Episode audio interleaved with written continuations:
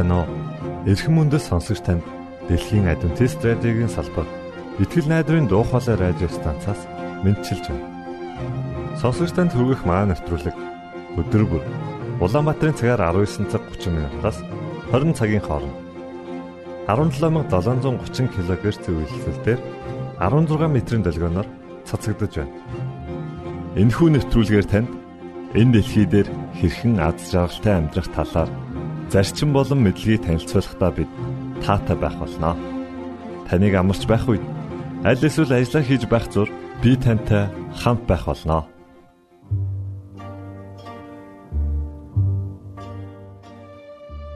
Өнөөдрийн хөтөлбөр боловсрал нэвтрүүлгийн түүхэн хүмүүс зурлаар эхлэх болно. За харин үүний дараа таны нэр мөнхөд ариун дууг танд төлөвлөж байна. Үргэлжлүүлээд Есүсийн амьдрал хэмээх гайхалтай номыг танд аудио хэлбэрээр хүргэж буйлаа. Ингээд та нэвтрүүлгүүдэд хүлээн авна уу?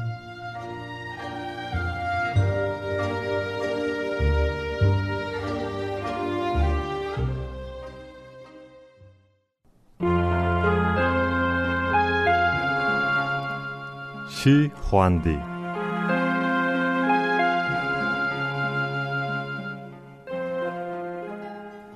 бүх хиттийг нэгтгэсэн дарангуйлагч хаан.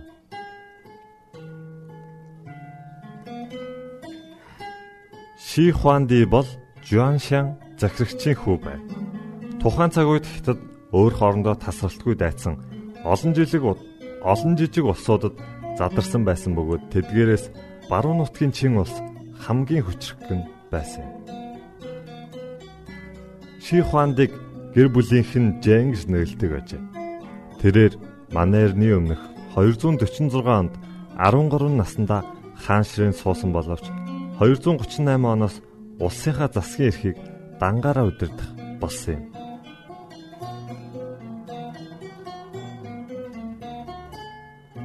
Манерны өмнөх 228-аас 21 оны хооронд тэрээр цус дайныг явуулж улсынхаа газар нутгийг тэлэв.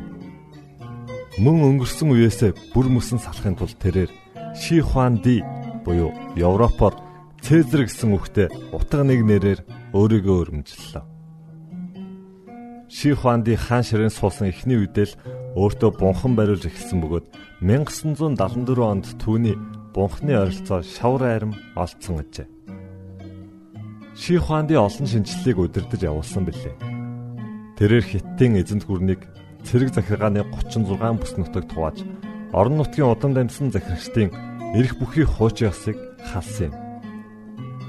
Үүний улмаас нэг мужийн захирагч хэдэн жилийн дараа өөр мужийн захирагч болон шилждэг байсан нь захирагчдыг тухайн газартаа хүчрхэгжин бэхжихээс сэргийлдэг байв. Тэрээр өршөөгдсөн язгууртнуудын гэр бүлийнхнийг өөрийн хараандаа байлгахын тулд бүгдийг нь нийслэл шаняан руу нүх зарлаг буулгасан аж. Мөн улс даяар жин хэмжүүрэн нэгдсэн систем нэг мөнгөн тэмдэгт хууль бичиг үсгийн загварыг тогтоосон байна. Тэрээр бүс нутаг хоорондын худалдааны харилцааг хүртэл зохицуулсан байдаг. Гадны элдв халдлагаас нутаг дэвсгэрээ хамгаалж хиттийн хойд хилээр аврах том хэрэм барилсан одоогийн цагаан хэрэм билээ. Чин гүрний өмнөх эзэн хатууд чанга хатуу хууль цаазан дор ард түмнээ захирч түүнийг нь зөрчсөн хэнийгч болов хатуу шийдгэж цаазаар авах ял хүртэл тулгадаг байв. Удирдлагын энэхүү арга нь күнзийн сургаалтай зөрчилдөж байсан юм. Сайн удирдагч өөрөө өндөр ёс суртахуунтай байж амьдралаараа харийн албатуудаа үлгэр дуурайл болох ёстой гэж күнз номлодог байв. Тиймдээ Ши Хуанди өөрөө дарангуулагч эзэн байсан учраас күнзийн сургаалыг дагахстыг хавчиж өгсөн бөгөөд улмаар Манерны өмнөх 213 онд күнзийн сургаалын бүтээлүүдийг олны өмнө шатаахыг зарлиг болгосон. Мөн 460 намлагчдыг амьдаар нь болохыг зарлигдсан байна. Улс орноо захирч байсан энэхүү арга барил нь түүнийг олон дайсантай болгож олон удаа түүний амьд халтахыг оролдож байсан ч амжилтад хүрээгүй. Ши Хуанди манай эртний өмнөх 210 онд таалалд өгсөж байна. Ши Хуандигийн ололт амжилт. Ши Хуанди бол бүх хиттийг нэгтгэж чадсан хаан юм. Тэрээр олон тооны шинжилгээг хэрэгжүүлж, жин хэмжүүр, хууль эрх зүйн, бичиг, мөнгөн тэмдэгтийг нэгдсэн системийг бий болгосон аж. Үүний ачаар Хиттийн соёл одоо хүртэл нэгэн цул болон хадгалагдаж үлдсэн байна. Чингүрний төгсгөл ирж Ших хаанды талал төгсөн хэдий дараа дараагийн эзэнт гүрнүүдэд түүний засаглалын систем өвлөгдөн үлдсэн бол харин хууль цааз нь баг зэрэг зөвлөрч күнзийн философиг дагах болжээ. Мөн тэрээр шавар армийн бунханг бариулсан байна. Энэ нь том багаараа амьд хүний хэмжээтэй шатаасан шавар бүхий хааны жинхэнэ цэргүүдийг дуурайлан хийсэн 7000 гаруй цэрэг эрс болон мордын хөшөө юм. Уг хөшөөг бүтээгчид хийсэн бүтээлүүд болгондоо өөрсдийн тамгаа үлдээснээр тэдний нэр өнөө үед хадгалагдаж үлдсэн байна. Шавар армийг хааныгаа хамгаалах зорилттой бүтээгдсэн байх гэж таамагладаг бөгөөд бунхныг 1974 онд санамсаргүйгээр нээжээ. Сонсогч танд боловсрал нэвтрүүлгээс бэлтгэн хүргэдэг түүхэн хүмүүс цувралын шин дугаарыг хүргэлээ. Дараагийн дугаараар уулзлаа. Түр баярлалаа.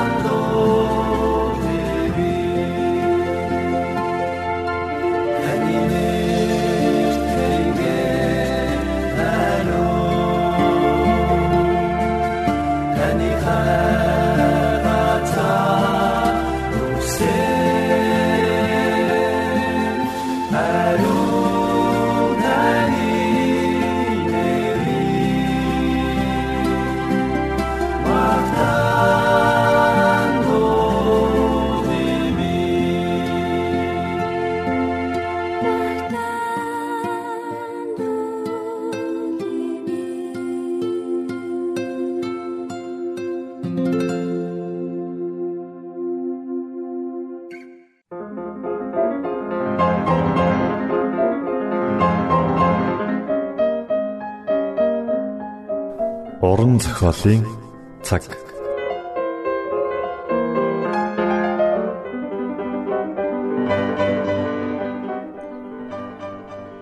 Йосеф Мари хоёр хүү Есүсээ хууль заасан ёсоор тахилчид авчирлаа. Эцэг эхчүүд хүүхдүүдээ өдөр бүр дуганд аваачдаг байсан. Сүмийн тахилч Йосеф Мари хоёрыг бусад эцэг эхчүүдээс ялгахгүйгээр харьцаж байв.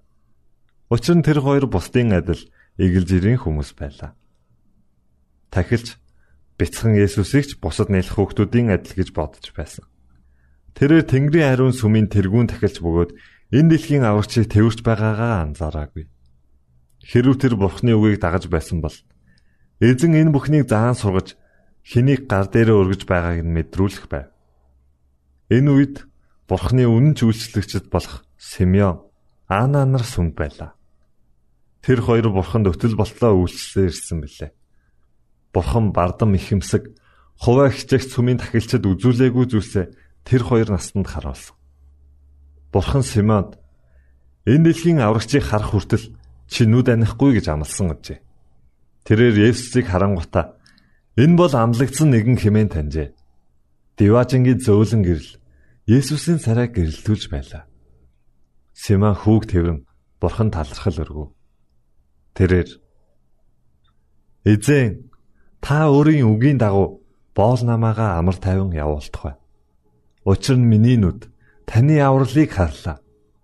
Та үүнийг бүх ард түмний өмнө бэлдсэн билээ. Энэ нь үндэстэн илчлэлийн гэрэл таны ард түмэн болох Израилийн алдар нь болоо гэж хэлв. Анна бол иш үзүүлэгч эмэгтэй. Энэ мөчөд Анна хурж ирээд бурхан талархал өргөн Иерусалимын золилтыг хүлээж байсан бүхэнд түүний тухай үргэлжлүүлэн ирэв. Бурхан даруй төлөв хүмүүсийг өөрийн гэрч болгон сонгодог. Бурхан энэ дэлхийн хувьд агуу тооцогддог бүхнийг үл ойшоодог гэж. Учир нь тэд Бурханыг үл хүндэтгэн түүний үйлчлэлийн талаар боддгүй ягаад зөвхөн өөрсдийнхөө төлөө л үйлчилж өөрсдийгөө өргөмжилдэг. Иймээс Бурхан тэднийг өөрийн хайр өршөөлийн талаар бусдад хэлүүлэхээр сонгох боломжгүй болсон. Есүсийн эх Мария Симоны иш үзүүлэн зогнсныг тунгаамдсаар байв. Мария бяцхан хүүгээ хараад Бэтлехемийн хончдын хэлсэн үгсийг санан баяр хөөр итгэл найдвараар дүүрсэн. Симеоны хэлсэн үгс иш үзүүлэгч Исаягийн зөвнөлийг Мариад сануулжээ.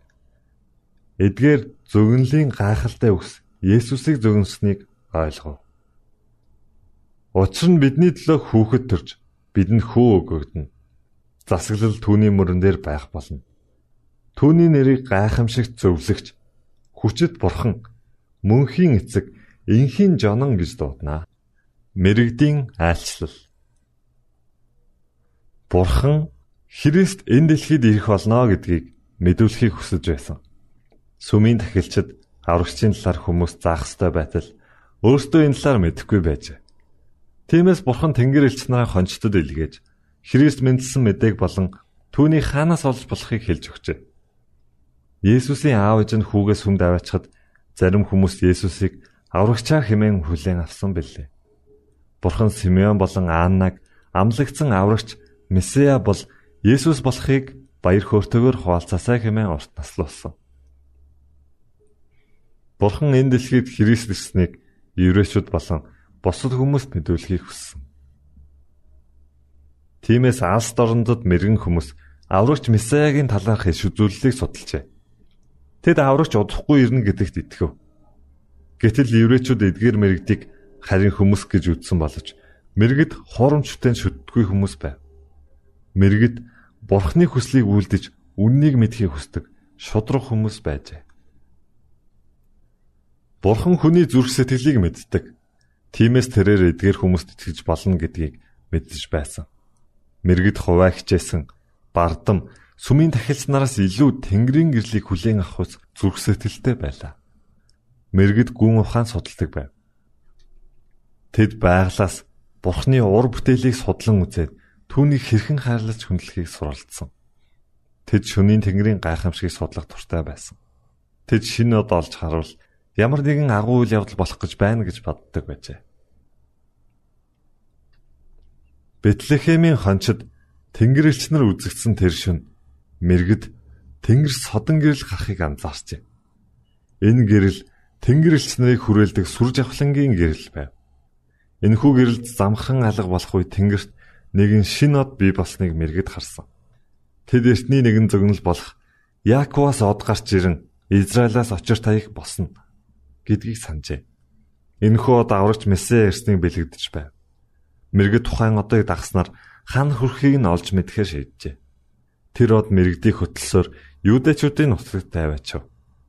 Мэрэгдийг Иерусалим хотод ирэхэд од бүдгэрсээр чиглэлээ алдахад хүргэжээ.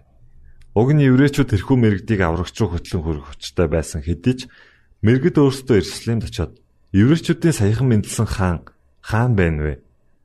Бид түүний одыг дорн зүгт байхыг олж хараад хаанд хүндэтгэл үзүүлэхээр ирлээ гэж асуув. Херод хаан болон бүх Иерусалимчууд үүнийг сонсоод бачимдаж гин. Тэгэд бүх ахлах тэхэлж болон хуулийн багш нарыг цуглуулад Христ хаанд төрөх ёстойг лавлаж эхлэв. Тэгтэл тэд түнд Юудан Бэтлехемд учир нь иш үзүүлэгчийн бичснэр гэж хэлжээ. Херод хаан тэтмийг нь булаах шинэ хааны талаар сонсохыг хүссэнгүй. Ингээд Херод одыг хизээ анх харсан болохыг мэрэгдээс лавлан асуужээ.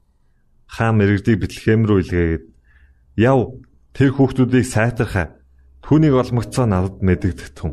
Би бас очиж түүн мөргөнө" гэлээ. Мэргэд энэ үгсийг сонсоод даруй замдаа гарчээ. Тэгтэл тэдний зүүнтэд харсан од тэдний өмнө явсаар хүүхдийн байсан газарт хүрээд тогтов. Тэгээд гэрст орж их Мариагийн хамт байгаа хүүг хараад цөгдөн түүнд мөргөж Эрдэнсийн хайрцгаа нээгээд алт, гүгэл, мэрийг бэлэг болгон барив. Мэргэд хамгийн эрхэм мөнтэй бэлгээ аврагчад авчирсан байв. Эдгээр мэргэд бидэнд гайхалтай үлгэр жишээ үзүүлсэн. Бид энэ дэлхийн анд найз нартаа бэлэг өгдөгч бүхий л ивэлийг хайрлаж Тэнгэрийн найздаа бэлэг өгөөд байдаггүй лээ. Бид ингэж болохгүй. Бид Христэд шилдэг бүхнээ буюу цаг хугацаа, мөнгө, хайр инэрлээ бэлэг болгон өгөх учиртай. Херод хаан Есүст хүндэтгэл үзүүлэхийг хүсэж байна гэж худлаа хэлжээ угтаа бяцхан хүүг олоод устгахыг хүсэж байв. Херод хаан аврагч өсөж том болоод хаанчлыг нь булан авнахээс айж байлаа. Мэргэд Херод хааны хүснээр Есүсийн хаан байгааг мэдгэдгийг хүсэж байлаа. Гэтэл Тэнгэр эснэр мэрэгдийн зүүдэнд үзэгдэж өөр замаар буцахыг зөвлөжээ. Тэднийг явсны дараа эзний Тэнгэрлэгч Йосефийн зүүдэнд үзэгдэж бос хүүхдүүдийг ихтэй навч Египт рүү зогт. Намайг чамд хилдуулахтал тэндэ бай. Учир нь Херод хүүхдүүдийг хөнөөхөөр ирж хаах гэж байна гэжээ. Үүнийг сонссон даруйда Йосеф өглөө болохыг хүлээлгүй шууд замдаа гарахаар шийджээ. Ингээд Мария болон Нэлхүүгээ аваад тэр шөндөө холын замд гарчээ. Мэргэд Есүст асруунтай бэлэг бэлгэлсэн аж. Ийхүү бурхан тэднийг Египт орох замын зардал болон буцаад нутагтаа ирсэл байх хугацааны хэрэгтэй бүх хил хэрэгцээг нь хангаж өгчээ. Мэргэдийг өөр замаар нутаг руугаа буцсан тухай Херод сонсоод ихэд хэлгэнэ. Бурхан иш үзүүлэгчдэрээ дамжуулан Христ ирэх тухай зогсныг Херод хаан сайн мэдэж байсан. Тийм ч учраас Бурхан мэрэгдийг одоор замчлан ирүүлсэн юм. Херод хаан энэ бүхнийг мэдсээр байж Есүсийг устгахыг санаарсан. Уур хилэндээ автсан хаан Бэтлехэм болон түүний ойр орчимд хоёр болоод түүнээс доош насны эр хүүстэй бүх хүүхдийг хөнөөлөхөөр цэргүүдээ илгээсэн. Хүн бурхныг эсэргүүцэн тэмцэлтэн гэдэг үнэхээр хачирхалтай юм. Ямар ч гин буруугүй олон хүүхдийн амьд хүрнэ гэдэг ямар жигшүүртэй хэрэг байсан бол. Херод үүнээс өмнө олон бозар зүйл үйлдэж байсан. Тиймээс түүний бозромоо амьдрал удахгүй эцс болохын дамжиггүй. Тэрээр жигшүүрт өглөөр амиа алдсан юм. Йосеф Мария хоёр Херод хааныг нас бартлыг эвдээс буцаж ирээгүй. Тэнгэрлэгч Йосеф дээр ирж бос хүүг ихийг нь хамт авч Израиль нутагт оч. Хүүхдийн амийг хайчаад өгсөн гэв. Йосеф Есүсийн төрсэн газар болох Бэтлехэм сууршихаар төлөвлөж байсан ч Юудэ нутаг руу ойртох үедээ Херод хааны хүү хаанчилж байгааг олж мэджээ. Үүнийг мэдсэн Йосеф өөрөө ирэхгүй айдас давтаж хаан амьдрахаа мэдэхгүй төрөв. Бурхан Йосеф туслахын тулд Тэнгэрлэгчээ илгээж юу хийх ёстойг нь зааж өгчээ. Йосеф Тэнгэрлэгчийн үгийг дагаж өмнө нь амьдарч байсан Назарта буцсан очив. Та уран зохиолын цаг навтруулыг бүлээн авч сонслоо. Дараагийн дугаараар уулзтлаа. Түр баярлалаа.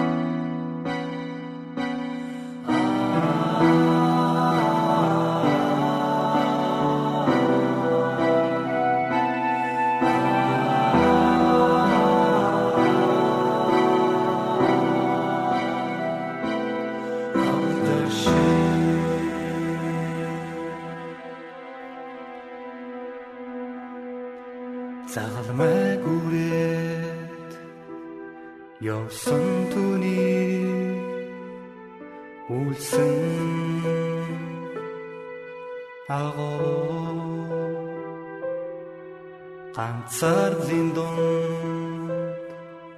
доромжлол амсан түүний нэрэн нэрөө хадасны сөрөвтөө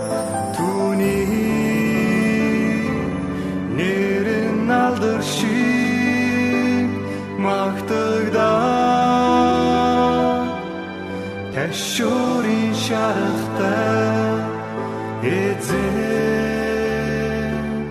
алдар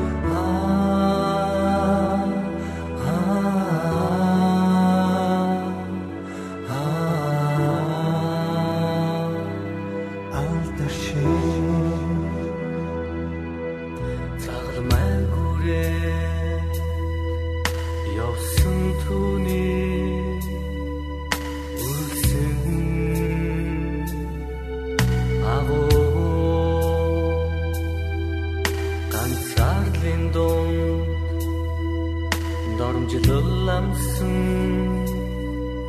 эцээ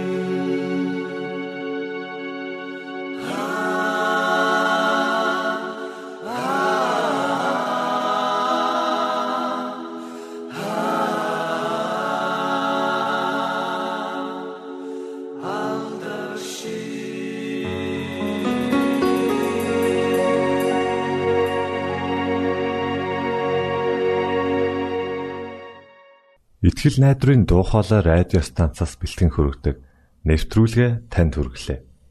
Хэрв та энэ өдрийн нэвтрүүлгийг сонсож амжаагүй аль эсвэл дахин сонсохыг хүсвэл бидэнтэй дараах хаягаар холбогдорой. Facebook хаяг: Satiin үсгээр Монгол заавад AWR Имейл хаяг mongol@awr@gmail.com Манай утасны дугаар 976 7018 24 9 Шуудангийн хаяг 16 Улаанбаатар 13 Монгол улс. Биднийг сонгонд цаг зав аваад зориулсан танд баярлалаа. Бурхан таныг ивээх болтугай